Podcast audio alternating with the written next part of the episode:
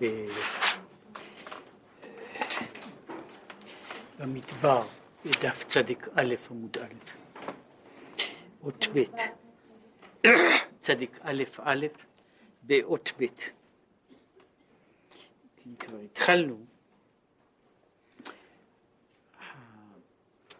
החלק הראשון, האות הראשונה, הייתה ביחס ל...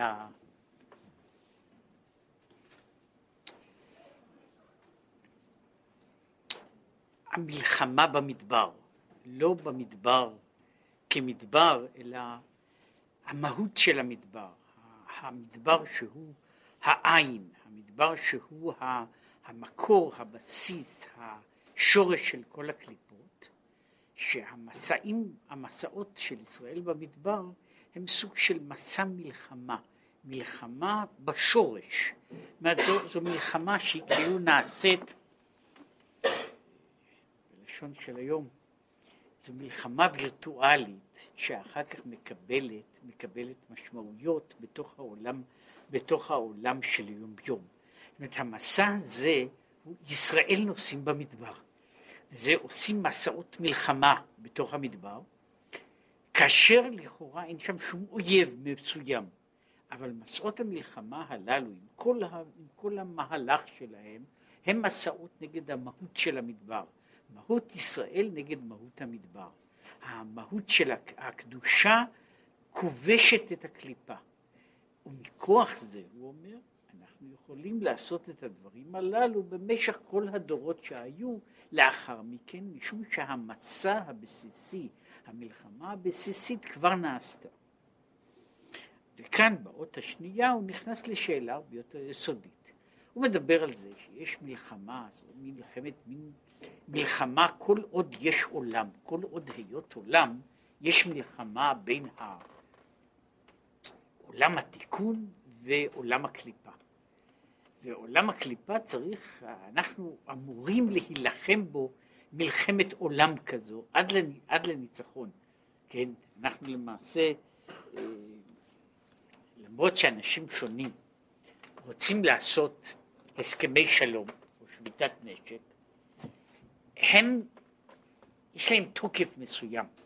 אבל בסופו של דבר המלחמה נגד, ה, נגד המדבר, נגד הקליפה, היא מלחמה שצריכה להסתיים בכניעה ללא תנאי. כניעה ללא תנאי, ש, שלולא כן אין, אין, אין אפשרות ל... הקיום שוב יימשך הלאה, המלחמה בעצם נמשכת. עכשיו, כדי, זה, זה בעצם המהלך של המסעות הללו במדבר. השאלה הבסיסית, אך עדיין צריך להבין, למה הייתה זאת מאת השם לברוע קליפות, ושאחר כך יצטרכו להכניעם. כן, הקדוש ברוך הוא ברא את הקליפות, הוא ברא את כל העולם הזה, הוא ברא את המדבר, את השממה, את התוהו, ואת, ה... ואת כל מה שיש בו. ואחר כך הוא מצווה עלינו, עכשיו אחרי שבראתי את כל הקליפות הללו, עכשיו אתם, אתם לכו וילחמו בהם. אתם לכו והרגו אותם. השאלה היא אם כן לא יהיה לא ה ולא ה, שלא יברא את המדבר, ושלא נצטרך לעשות פה מלחמה. לפתור את הבעיה הזו, כיוון שהוא ברא את המדבר, והוא מצווה לנו להשמיד את המדבר, כן, שלא יברא מדבר, שלא נצטרך להשמיד אותו. כדי להגיע לפתרון הזה אנחנו עוברים במהלך אחר לגמרי. הנה כתיב, ואתה ישראל, מה השם אלוקיך שואל ממך? כי אם ליראה. וכולי. ואמרו חז"ל, אל תקרי מה, אל תקרא מה השם אלוקיך, אלא מאה. שכוונתו מאה ברכות שחייב אדם לברך, לברך בכל יום. ויש סדר מסוים של אה, איך המאה ברכות הללו נעשות, כן, יש, אה, יש אה, סדרים בתוך העניין הזה, שלוש פעמים שמונה עשרה הם, הם כבר אה, חמישים ושבע, חמישים ושבע ברכות, אחר כך יש ברכות השחר של עוד שמונה עשרה ברכות, ואחר כך יש ברכת המזון ועוד ברכות מזדמנות, עד שהן מגיעות פחות או יותר למספר הזה, בתוך החיים הנורמליים. אגב, משום כך יש כמה וכמה אנשים ומעשים והידורים שבימים כמו אה, שבת, שבהם מספר התפילות, מספר הברכות בתפילות הוא בסך הכל הרבה יותר קטן, צריך להשלים את הברכות הללו על ידי ברכות אחרות, ויש אנשים שמשלימים אותם, יש שורה של ברכות על בשמים, על מיני מאכל, כדי להשלים למאה ברכות בכל יום. עכשיו, הוא, שוב, זה, זה היה רק, אה, זו הייתה רק נקודה צדדית. דהנה, הברכה, העניין של הברכה, היא כשאנחנו מדברים על מאה ברכות, זה ברור שהברכות הללו הן מבחינה, מבחינת המיון הפורמלי וההלכתי שלהן, הן ברכות שונות מאוד. זאת אומרת, יש ברכות שהן ברכות של, אה, של הודאה, ברכות של בקשה, ברכות של מצוות, ברכות שונות מאוד. אבל ביסודו של דבר, לכל הברכות יש בעיקרן תבנית בסיסית אחת. ומבחינה אחרת גם תוכן בסיסי אחד, שהוא התוכן של הברכה. אחר כך יש לברכה פירוט. זאת אומרת, הברכות, המבנה של הברכה הוא ברוך אתה השם אלוקינו מלך העולם, וכאן מתחילים, מתחילה הדיפרנציאציה, כן? בין, בין ברכות כאלה כאחרות, אבל בסך הכל זה, זה המבנה הבסיסי של הברכה, ולכן זה גם התוכן הבסיסי של הברכה. והנה, הברכה יש בה נוכח ונסתר. עכשיו, יש אה, דבר אה, שהוא, לולא היינו רגילים בו כל כך, הוא היה בהחלט מטמיע. הברכות עוברות, כמעט בכל נוסח של ברכה, יש לנו מעבר מבחינה של הגופים. לפעמים הוא מאוד בולט, זאת אומרת, לפעמים זה, זה, לא, אה, זה, לא, זה, לא, זה לא כל כך פשוט, אבל נניח ברוך אתה השם אלוקינו מלך העולם, נניח בורא פרי האדמה. כן? זאת אומרת, אני עובר מגוף, מגוף נוכח, גוף, גוף שני, אתה, אל גוף שלישי, או אשר ברא, אשר יצר, אשר עשה, וכולי וכולי, אשר קידשנו. כלומר, אנחנו עוברים, בכל ברכה יש בה נוכח ונסתר, אנחנו עוברים מ... אה, מדמות, מנוכח לנסתר, ויש לזה העניין הזה יש לו בעיקרו גם יותר מאשר הסבר אחד, יש לזה גם הסברים היסטוריים, הלכתיים ואחרים, שבסופו של דבר הם מגיעים לו, לו, לדבר אחד שהברכות, כל ברכה היא תרכובת של, של בעצם, יש בה מעבר מן הנוכח אל הנסתר. הוא מסביר קצת. ברוך אתה השם, היינו נוכח. ועכשיו מסביר שהתמצית של, לפי זה של הברכה, של הברוך אתה, היא האתה, הפנייה אל האתה, ואתה מחיה את כולם. ואתה מחיה את כולם על ידי אותיות שמאלף ועד תף, זהו האתה, האלף תף ה' שזה התמצית של כל סדר האותיות, זהו סדר הבריאה, אתה מחיה את כולם. ובמחשבה אחת ברא את כל העולם, שבו ריבו רבבות ברואים לאין קץ ותכלית. עכשיו, יש בו ברואים, ריבו רבבות ברואים, שהם שונים זה מזה, נבדלים זה מזה, ומעבר לזה יש בו גם אה, לא רק ברואים שונים, אלא לא רק שונים ב, ב, מבחינה של ההתפצלות וההשתנות ביניהם, אלא גם ברואים שונים מבחינת הדרגות שלהם, שיש בהם גבוה מעל גבוה, וכמו שכתוב, וקדושים בכל יום יהללוך סלע, שהכוונה שלו היא, כשהוא מדבר על יהללוך סלע, הוא מפרש פה סלע במובן שמפרשים כרגיל, סלע במובן של נצח. יהללוך סלע פירושו כל ברכה ותהילה, כל דברי הברכה הם רק מעין uh, התחלה. כי מעבר לכל ברכה יש ברכות מעל ומעבר לזה, מעל לכל מדרגה יש מדרגות גבוהות יותר, מעל הקדושים יש קדושים עליונים יותר. כמו, כן, שאחר שאומרים סדר קדושה של המלאכים, הרי זה, אנחנו אומרים את סדר הקדושה של המלאכים, שהם אומרים קדוש וברוך. אחר כך אומרים, וקדושים הם הנשמות, יהללוך הסלע לאין קץ. כלומר, מעל, מעל המלאכים יש דרגות מעל ומעבר ומעבר למלאכים. הגם שבספרים לא נזכר אלא שתי בחינות, בחינת גן עדן תחתון ועליון. בספרים מדובר באופן כללי, יש גן עדן התחתון ויש גן עדן העליון. והוא אומר שזה איננו מדבר בעצם על כל המדרגות, אלא זוהי חלוקה, חלוקה גסה. כי, כמו שהוא מיד יאמר,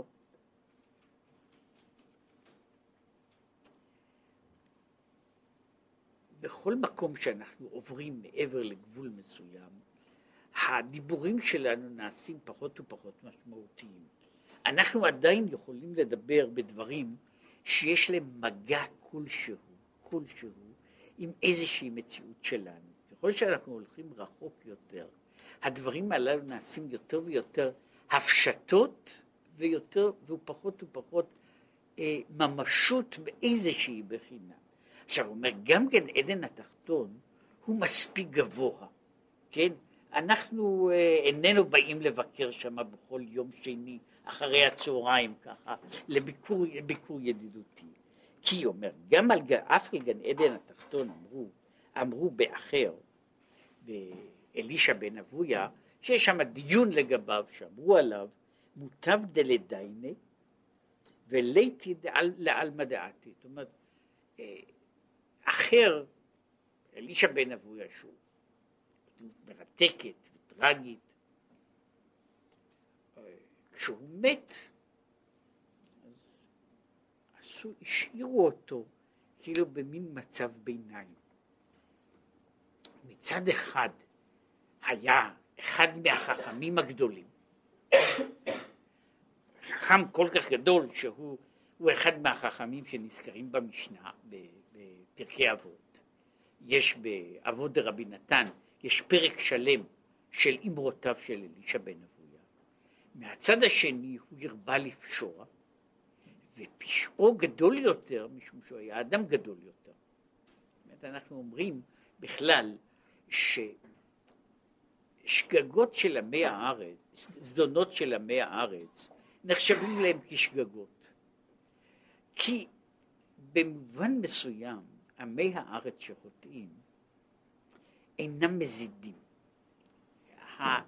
זאת אומרת, זה נכון שהוא מבחינה פורמלית הוא מזיד.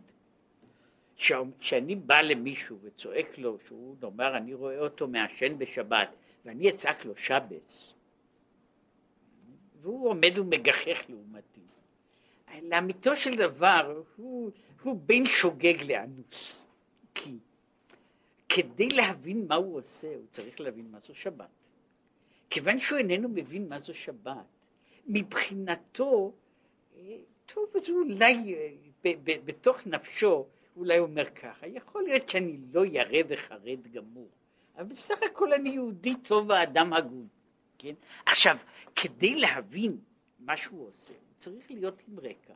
מי שאין לו רקע כזה, הזדונות שלו, ולפעמים זדונות מאוד חמורים, הם, הם בעצם שגגות, ולפעמים הם אפילו פחות משגגות, הוא, הוא, הוא אפילו איננו מודע לעצם, ל, ל, לעניין הזה, הוא כולו נמצא בתוך מציאות אחרת. עכשיו, זה עובד מצד אחד. מן הצד השני, שהגיגת תלמוד עולה זדון, ככל שאדם הוא למעלה במדרגה, שהוא יודע יותר, לא רק הזדונות שלו הם חמורים יותר, גם השגגות שלו נחשבות לו כזדון. זאת אומרת, יש, יש סוג של דבר שלגביו אני אומר, אדם כזה אסור לו לשגוג. עכשיו, מדוע? כי אמת היא ששגגה היא, כמו, ש, כמו שמגדירים אותה, היא פעולה לא מודעת. אבל היא, עם כל זה, עם כל זה, כדי שאדם ישגוג בדבר,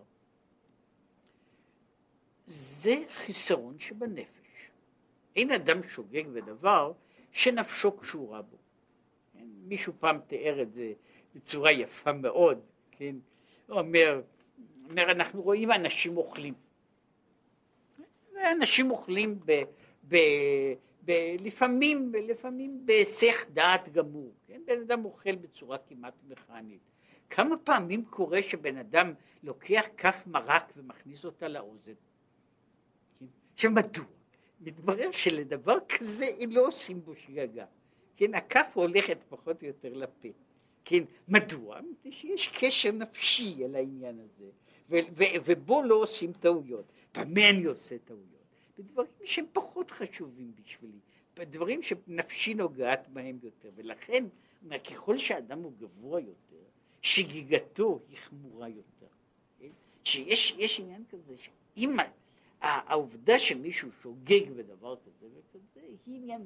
היא עניין של, של פגם, ואגב, מאותו צד עצמו, ומאותה סיבה עצמה, מאותה סיבה עצמה, יש לנו כל המבנה, שבסך הכל מבנה הקורבנות, מעבר ליוצאים מן הכלל מסוימים, הקורבנות, את הקורבנות אין מביאים על עבירה שבזדון, אלא רק על עבירה שנעשית בשגגה. כלומר, אני צריך על דבר שעשיתי בשגגה, אני צריך סליחה, מחילה וכפרה. כן? הזדון הוא נושא אחר, אבל השגגה הזאת זקוקה לקורבן כפרה. כן? עכשיו, ככל שאדם הוא גדול יותר, השגגה שלו היא חמורה יותר, ולכן אדם כמו אלישע בן אבויה, שלא סתם היה תלמיד חכם, כן? שהוא ידע לפתוח דף גמרא ולקרוא בו, כן? אלא שהיה באמת מגדולי הדור ומגדולי החכמים ומאלה שנכנסו לפרדס, לכן נפילתו היא חמורה יותר. מצד השני, הוא אדם גדול, אדם גדול, עם, עם, עם הרבה צדדים אחרים, ולכן הקפיאו אותו, הקפיאו אותו, שהוא לא יהיה לא כאן ולא שם, הוא יישאר במעמד כזה, ביניים. אחר כך החכמים בדור יותר מאוחר החליטו שמוטב דלדיינה וליתא לעלמא דעתי, מוטב שידונו אותו ויענישו אותו בכל העונשים הראויים לו, כדי שהוא יגיע לעולם הבא. ואז מסופר שאז התחילה לעלות אש מקברו. כן? והסיפור ממשיך הלאה בגמרא עם כל מיני, עם כל הצדדים, שזה, שהאש בערה כמה דורות, כן? עד שמישהו קיבע אותה בסוף. כן? אבל עצם העניין, הוא אומר ככה, כל כמה שלא נעים להיות בגיהנום, מתברר שיותר כדאי אפילו להגיע לגן עדן התחתון, זה שווה את כל הייסורי הגיהנום. כן? זה מה שהוא רצה להדגיש על העניין הזה לגבי אלישע בן. עכשיו, וקל וחומר, על גן העדן העליון, שהוא למעלה במדרגה, ושאומרים שבין גן העדן התחתון לגן העדן העליון יש מעבר שבו הנשמה צריכה לשכוח את גן העדן התחתון כדי שהיא תוכל להגיע לגן העדן העליון. אבל הוא אומר, זה כתוב כך בספרים, על שניים, ובאמת יש עוד רבבות מדרגות בעילוי אחר עילוי, לאין קץ. כלומר, מעל לגן עדן העליון יש גן עדן עליון יותר, וכך יש מדרגות למעלה עד אין קץ. וכמו שאומרים, תלמידי חכמים אין להם מנוחה, לא בעולם הזה ולא בעולם הבא. עכשיו, בעולם הבא אין להם מנוחה משום שהם כל הזמן עולים מפעם לפעם לדרגה גבוהה יותר, ולכן אף פעם אין להם מנוחה משום שיש להם מדרגות לאין קץ לעלות עליהם. עכשיו, וגם במלאכים, אנחנו אומרים אלף אלפים יש בגדוד אחד, והגדודים של המלאכים אין להם מספר. עכשיו, אז כל הברואים הללו, שהם כולם בגדר של ברואים. זאת אנחנו נכנסים, אם אנחנו הולכים לכמה ברואים נמצאים בתוך, ה, בתוך כדור הארץ שלנו, די הרבה. אם אנחנו מונים אנשים, אה, אנשים, חתולים, ג'וקים, וירוסים, יש הרבה מכל המינים, ועוד ועוד ועוד. עכשיו, כל אלה הם, הם חלק של, של, של, של, של פלנטה אחת. כשאנחנו יודעים על הקוסמוס הפיזי, שבו אנחנו פחות מאשר גרגיר אבק, זהו, זהו סוג אחד של ריבוי, ריבוי ברואים לאין מספר.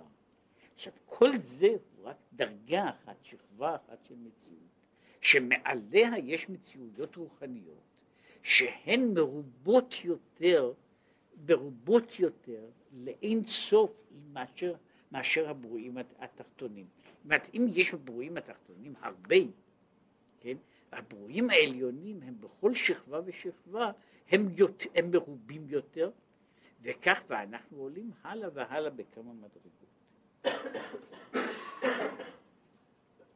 והכל, כל ההוויות הללו, ש, שאפשר היה לשבת ולדבר, ולדבר בהן אה, כך וכך זמן, רק על, ה, על, ה, על המספר וה, וההתפצלות. הכל נמשך ממחשבה אחת. כל זה נמשך ממחשבה אחת של הבורא, שהוא כולל, שבו נכלל, נכללים, נכללים כל העולמות וכל יצורי העולמות. ולכן אנחנו אומרים שהכל כלחש יבקמי דבריו, לכן הכל, כל המציאות כולה, היא בלתי נחשבת, כמו על דרך משל באדם אחד, באדם, במחשבה אחת, הוא כלא חשיב אפילו רק כנגד כוח המחשבה. אומרת, נחשוב אם אנחנו, אני מדבר על זה, בן אדם חשב מחשבה, מחשבה אחת. עכשיו, כמה שווה מחשבה הזו לעומת כוח המחשבה? כלומר, לעומת כל המחשבות שהוא חושב בכלל. עכשיו, לעומת כוח המחשבה, שכוח המחשבה הוא הרי יותר מאשר המחשבה. המחשבה נחשבת, אנשים חושבים, לא, יודע, לא בהכרח דברים חשובים, אבל אנשים חושבים כל הזמן, שהמוח פועל כל הזמן. ואז הם יוצרים, אז אפשר לבנות שבמשך 24 שעות יש כך וכך מחשבות. כיוון שאנשים חיים 70, 80, 100 שנה, יש להם כמות מסוימת של מחשבות. עכשיו, המחשבות הללו הן המחשבות שבפועל. מעבר למחשבות שבפועל, יש המחשבה, המחשבות שנמצאות בכוח המחשבה. כלומר, אפשרות החשיבה, שהן כ"ב אותיות שבנפש המדברת, שיוכל לחשוב בהן מחשבות לאין קץ ותכלית. זה שאין אנחנו חושבים מחשבות לאין קץ, הוא משום שאנחנו לא חיים מספיק.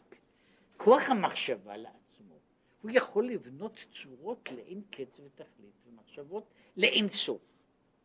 ואין צריך לומר לגבי עצמות הנפש, שגם כללות כוח המחשבה הוא לבוש בלבד בשביל הנפש.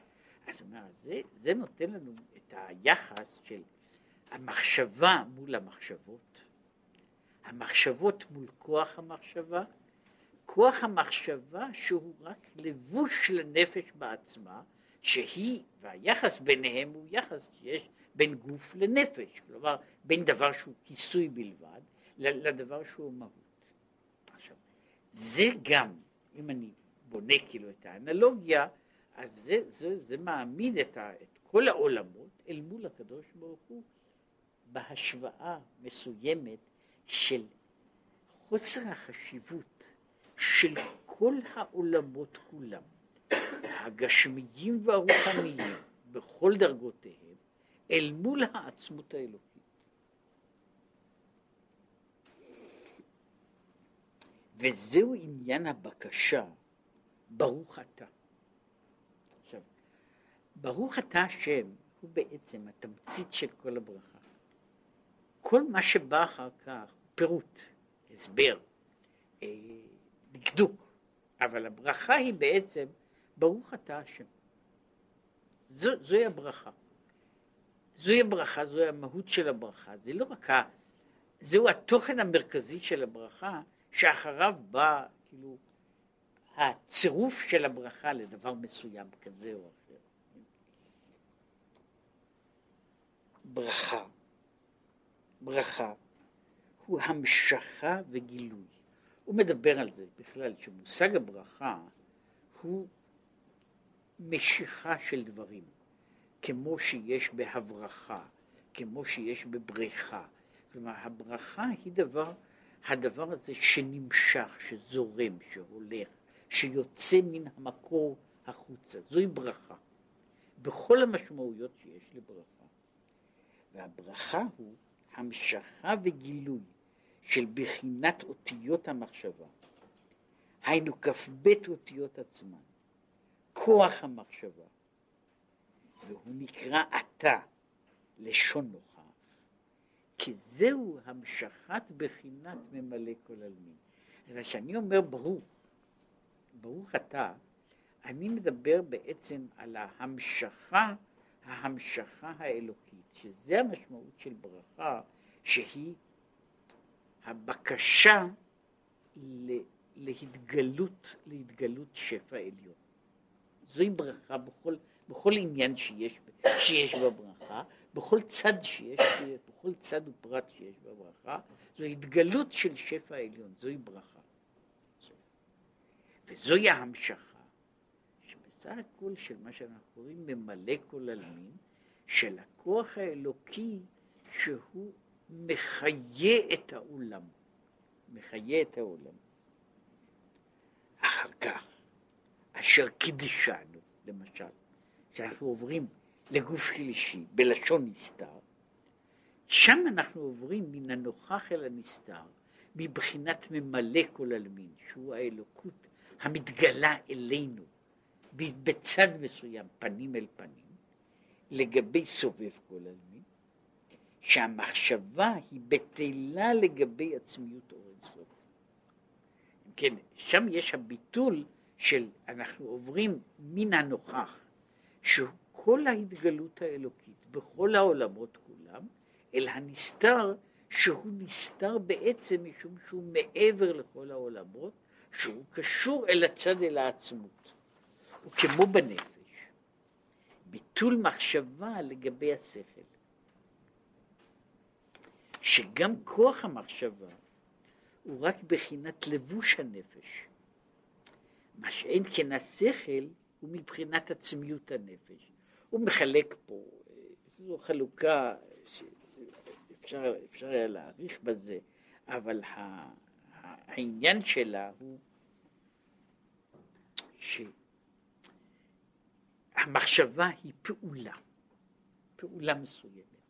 מצד מסוים, מצד מסוים, המחשבה שלנו היא כל כולה פעולה, פעולה ש, שהיא גם פעולה חומרית. אנחנו חושבים באמצעות כלי חומרי. ההבדל בין, בין, בין אה, פעולות חומריות שונות הוא בזה שיש, הן מייצרות דברים שונים. אה, החלק אחד בגוף הוא יוצר פעולות מסוג אחד, וחלק אחר מייצר פעולות ממין אחר. והכוח, המוח, הוא הכלי של החשיבה. כלי של החשיבה. עכשיו, החשיבה איננה זהה לשכל. החשיבה היא, היא הפעלה של השכל על המוח. השכל הוא שוב, אם אני מדבר באופן מהותי, הייתי אומר, השכל הוא אחד מהתכונות, מהעניינים שוב, דיוק הדברים מופיע במקום אחר, שהשכל הוא אחד האופנים שבו הנפש מתגלה. הנפש מתגלה. אחר כך היא מתגלה בתוך לבוש שהוא, שהוא אופן התגלות שעובר אל המציאות, אל המציאות החומרית, ששם זהו, הלבוש הזה הוא, הוא העניין של, של עבודת העבודה של התגלות הדברים הללו. בתוך המוח או בתוך כלים, מכשירים ואופנים של חשיבה. עכשיו, אין צריך לומר לגבי למעלה מהשכל, שיש דרגות שהן גבוהות יותר מאשר השכל, שהשכל איננו, הוא הדרגה העליונה של הנפש המודעת, אבל מעבר לזה יש דרגות גבוהות יותר שהן מעל הנפש המודעת. וקל וחומר לגבי עצמיות הנפש, שהיא לא שייכת לתכונות כלשהן, אלא היא הוויה לעצמה שהיא ב, ביסודו של דבר, היא מה שהוא קורא לזה הוויה פשוטה, כלומר הוויה שמעבר להגדרות. וכך הוא ביטול המחשבה לגבי הרצון העליון שלמעלה מהמחשבה. עכשיו, יש גם, הוא מעיר, ויש גם למעלה מהרצון העליון, שזה עניין ששייך לעצמות, למהות הנפש לעצמה. עכשיו, ועל ידי המצוות. עכשיו, מכאן הוא חוזר, מעבר לעניין הזה, עכשיו חוזר. ועל ידי המצוות, שהם רצון העליון, ממשיכים גילוי אינסוף ברוך הוא. שהרי כל מצווה, מהי מצווה? שזה משנה את, ה, את המהות של המצווה. השאלה, יש, יש במצווה כמה צדדים. צד אחד הוא שמצווה היא מעשה טוב. עושה כל מיני דברים יפים, יפים וטובים, בנפש, בעולם, בכל הדברים האחרים. זה הוא סוג של מוצר לוואי של המהות של המצווה. כי המצווה בעצמה, מעלתה של המצווה בעצמה היא שהיא הביט, הביטוי של הרצון העליון. שהיא הביטוי, הקדוש ברוך הוא אומר, אני רוצה ככה. עכשיו, כשהוא אומר אני רוצה, זהו בעצם, זהו הצידוק המהותי למצווה. שהוא מעבר לכל מה שאפשר להגיד עליה, שהוא בסופו של דבר דברים, דברים שאינם, ש, שהם לא שייכים לאותו, לאותו עניין, אלא יש הדבר הזה, יש הרצון, והוא אומר, אני רוצה כך. עכשיו, מעבר לשאלות, אם אני יכול להבין או לא יכול להבין, במהות העניין אני לא יכול להבין, כן, ואני לא צריך לנסות אפילו להתיימר להבין, אבל מה שאני עוסק בו, הקדוש ברוך הוא מגלה רצונו. עכשיו, גילוי הרצון, והוא מסביר על זה בכמה וכמה אופנים, שגילוי הרצון, גילוי הרצון וההתקשרות ברצון, זה השורש של הגדולה של המצווה. זאת אומרת, אחרי שהקדוש ברוך הוא מצווה לעשות דבר מה, ואני עושה את הדבר, יש לנו בצורה מוזרה איזושהי נקודת חיבור. נקודת החיבור הזו, נקודת החיבור הוא שבזה שהוא אומר ואני עושה. עכשיו, ברגע הזה אנחנו מתחברים ביחד בתוך הנקודה הזו של הרצון ושל הגשמת הרצון. כל מה שמעבר לזה הוא החלק הלא חשוב. החלק הלא חשוב. בין שאני, במובן הזה, אם להעמיד את זה, גם אם בן אדם שהיה עושה מצוות, היה אחרי זה צריך ללכת לגיהנום, עדיין היה ראוי לו לעשות מצוות.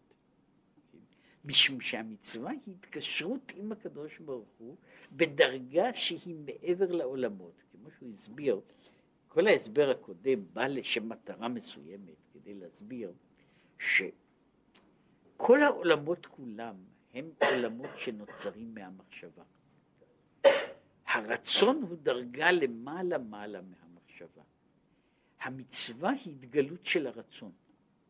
ולכן כשאני מתחבר עם הרצון האלוקי, אני על ידי זה מגיע מעבר לעולמות.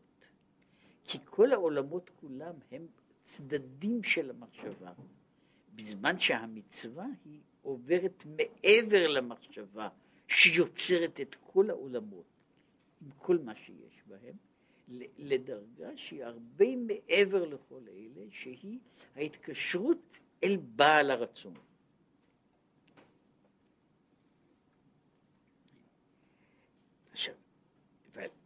ועל ידי המצוות, שהם רצון העליון, ממשיכים גילוי אינסוף ברוך הוא. דהיינו, המשכת בעל הרצון, בעל המחשבה. זה מה שהוא אומר כאן, עכשיו הצמח צדק מאיר. והנה, במקום אחר נתבאר שזהו עניין שבחרו חז"ל לקרוא את הבורא יתברך בשם הקדוש ברוך הוא, יותר, יותר מבשאר שמות. כן? הקדוש ברוך הוא הוא שם. עכשיו, זהו השם שמופיע בדברי חז"ל. עכשיו, אה, יש שמות אחרים, ויש כינויים אחרים, הרבה, הרבה מאוד. עכשיו, חז"ל משתמשים בביטוי הזה, זה הביטוי המקובל בפיהם, הקדוש ברוך הוא, מדוע? דהיינו לפי שקדוש וברוך זהו עניין שתי בחינות אלו של סובב כל עלמין וממלא כל עלמין. קדוש פירושו העצמות, המהות הטרנסצנדנטית, הברוך, או מה שקוראים לזה המהות האימננטית, סובב כל עלמין וממלא כל עלמין, זהו קדוש וברוך. ולכן כשמדברים על הקדוש ברוך הוא, שבצד מסוים זה אותו סוג של סתירה, סתירה, כאילו פרדוקס. בעצם הביטוי ש, שמשתמשים בספרי קבלה, שהוא לא רחוק מזה, שמדברים על אינסוף ברוך הוא, הוא גם כן, אה, מבחינה ספרותית, הוא, אה, הוא אה, צירוף של שני סגנונות. אינסוף הוא מושג מופשט, לוגי, מתמטי וקר.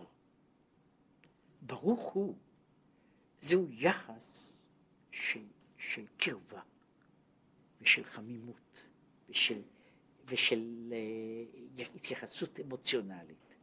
עכשיו, לדבר על אינסוף, ברוך הוא, זה, זה כמו שאני, אני, אה, אה, אה, לא, לא עושים את זה בשום, בשום מקום, כן? אומרת, נתאר, נתאר לעצמי ש-A בריבוע פלוס B בריבוע, זהו, וואו. כן? זה, זה לא שייך אחד לשני. שני הדברים הללו הם לא באותו, הם לא שייכים לאותה מדרגה, הם לא שייכים לו, לא, לא מבחינה של הדיוק של דיוק המילים, אלא מבחינת הסגנון. זה, זה לא אותו סגנון. ואף על פי כן, אנחנו משתמשים אין סוף ברוך הוא, שהוא במובן מסוים, הוא כולל בתוכו את, ה, את, ה, את המאמר, את המאמר, את המאמר הכפול הזה. עכשיו, באותו אופן, בצורה אחרת, הקדוש ברוך הוא, הוא אותו דבר. הקדוש וברוך הם, כמו שהוא מסביר את זה, שני מושגים ששניהם עוסקים בהפשטות הגדולות של המציאות. הקדוש הוא המהות שמעבר למציאות, הברוך הוא המציאות שבתוך המציאות. עכשיו כשאנחנו מדברים על הקדוש ברוך הוא, כן, הצירוף הזה הוא גם כן צירוף שכולל בתוכו פרדוקס, וזהו ההבחנה של חז"ל על הקדוש ברוך הוא. כמו שמדבר במקום אחר על ה... שאומר הקדוש ברוך הוא אומר טהור וכולי, עיין שם. ולכן, נגד שתי בחינות, כנגד, זאת אומרת במקביל לשתי בחינות אלו של קדוש וברוך, בא בברכה לשון נוכח בברוך אתה, זה הברוך, ולשון נסתר באשר קידשנו, או כל ברכה אחרת שהיא בלשון נסתר, והיינו פירוש הקדוש ברוך הוא. עכשיו, זה היה בשביל להסביר, זאת אומרת שהמצווה היא מעבר מן המציאות של העולם אל מעבר למציאות של העולם, אל מין מהעולם שכל כולו הוא יציר המחשבה, אל קשר עם בעל הרצון שהוא מעבר לכל המחשבות. והכוח הזה במצוות הוא לפי שנשפלו במעשה. הכוח של המצוות בא מזה שהמצוות ירדו לעולם המעשה. המצוות הן ברובן הגדול מצוות של עשייה. להזיז דברים ממקום למקום, לעשות דברים באופן כזה וכזה, שלא לעשות דברים באופן כזה וכזה. בצד מסוים, זה, זה תלוי, ב, זה תלוי ב, ב, באנשים ובדרגות של דורות. פעם לפעם יש אנשים כאלה שהיו מתגעגעים למצוות. שיראו יותר מופשטות, יותר מופשטות, יותר, איך קוראים לזה, רוחניות. לא שחסרות לנו, ואגב, ולא שעושים אותן. זה, זה עניין אחר, זה רק בסוגריים. זאת אומרת, כל אותם אנשים שמחפשים רוחניות, זה יפה לדבר על זה. נוסעים להודו, מהודו, אה, כן, קוראים, קוראים כל מיני ספרים, בדרך כלל ספרים לא טובים על מיסטיקה, בדרך כלל זה ככה יוצא, כן, מיסטיקה, דמוי מיסטיקה, דמוי דמוי, כן, וכיוצא בזה, אבל יש, יש מספיק גם בתוך התחום הזה, אבל הסך הכל של המצוות הן מצוות של עולם המעשה, של עשייה. תעשה כך וכך, תעשה, תעשה דבר כזה וכזה. וסוף מעשה במחשבה תחילה. מעשה סוף מעשה, שהוא קצה, סוף מעשה במחשבה תחילה, פירושו הקצה האחרון של המעשה, הוא ההתחלה של המחשבה, הוא התכלית של המחשבה. וכמו שכתוב, צחוק עשה לי אלוקים.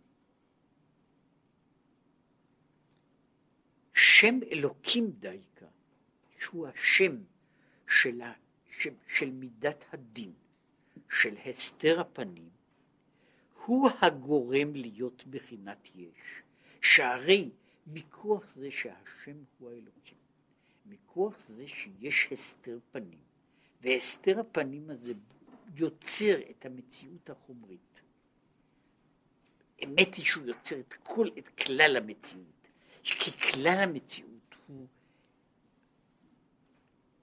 העולם, בעצם, בעצם אם צריך היה להגדיר אותו, עולם הוא הלוקוס, המרחב של אותם הדברים, אותם, אותם המציאויות שלא רואים בהם את הקדוש ברוך. לעולם, ההגדרה של העולם היא בעצם הגדרה של ה... כמו שכתוב, של ההיעלם. העולם הוא הדבר הזה שבו הקדוש ברוך הוא נעלם, הוא מועלם, הוא מוסתר. ומשום שהוא מוסתר, משום שהוא מוסתר, לכן יש שם עולם. אומרת, וכל מציאותו של העולם היא חיה, אה, היא חיה בצד הזה, אה, בצל. זאת אומרת, העולם הוא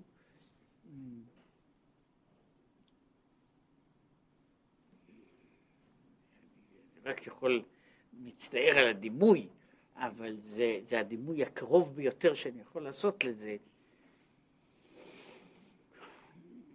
המציאות של העולם, הפעולה, החוויות, מה שקורה בו, זה בערך כמו של סרט קולנוע. סרט הקולנוע בנוי על זה שאין אור, שהאור שבא מהמקור של האור מוסתר כל הזמן על ידי צללים שונים. עכשיו, הצללים, המשחק בין האורות והצללים, זה שיוצר את הסרט. כשאני מקרין אור גדול, חזק ושלם, הסרט נגמר. עכשיו, מהצד הזה העולם חי על הצל, על ההסתר, וזוהי הגדרתו, שהוא בנוי על צללים, על הסתרים, על, על, על, על, פינות, על פינות חשוכות. כן? מזה, מזה, בנוי, מזה בנוי זה סדר העולם, וזהו העניין הזה של האלוקים, שהוא בחינת הכוח הזה שמסתיר את שם הוויה, שמגדיר אותו, שכולא אותו, זהו זה שמכוחו נוצר העולם. עכשיו, הוא העושה צחוק ותענוג למעלה על ידי ידי ביטול, על ידי הביטול, שהיש בטל אחר כך. אז הוא מתאר פה, התיאור פה של העולם,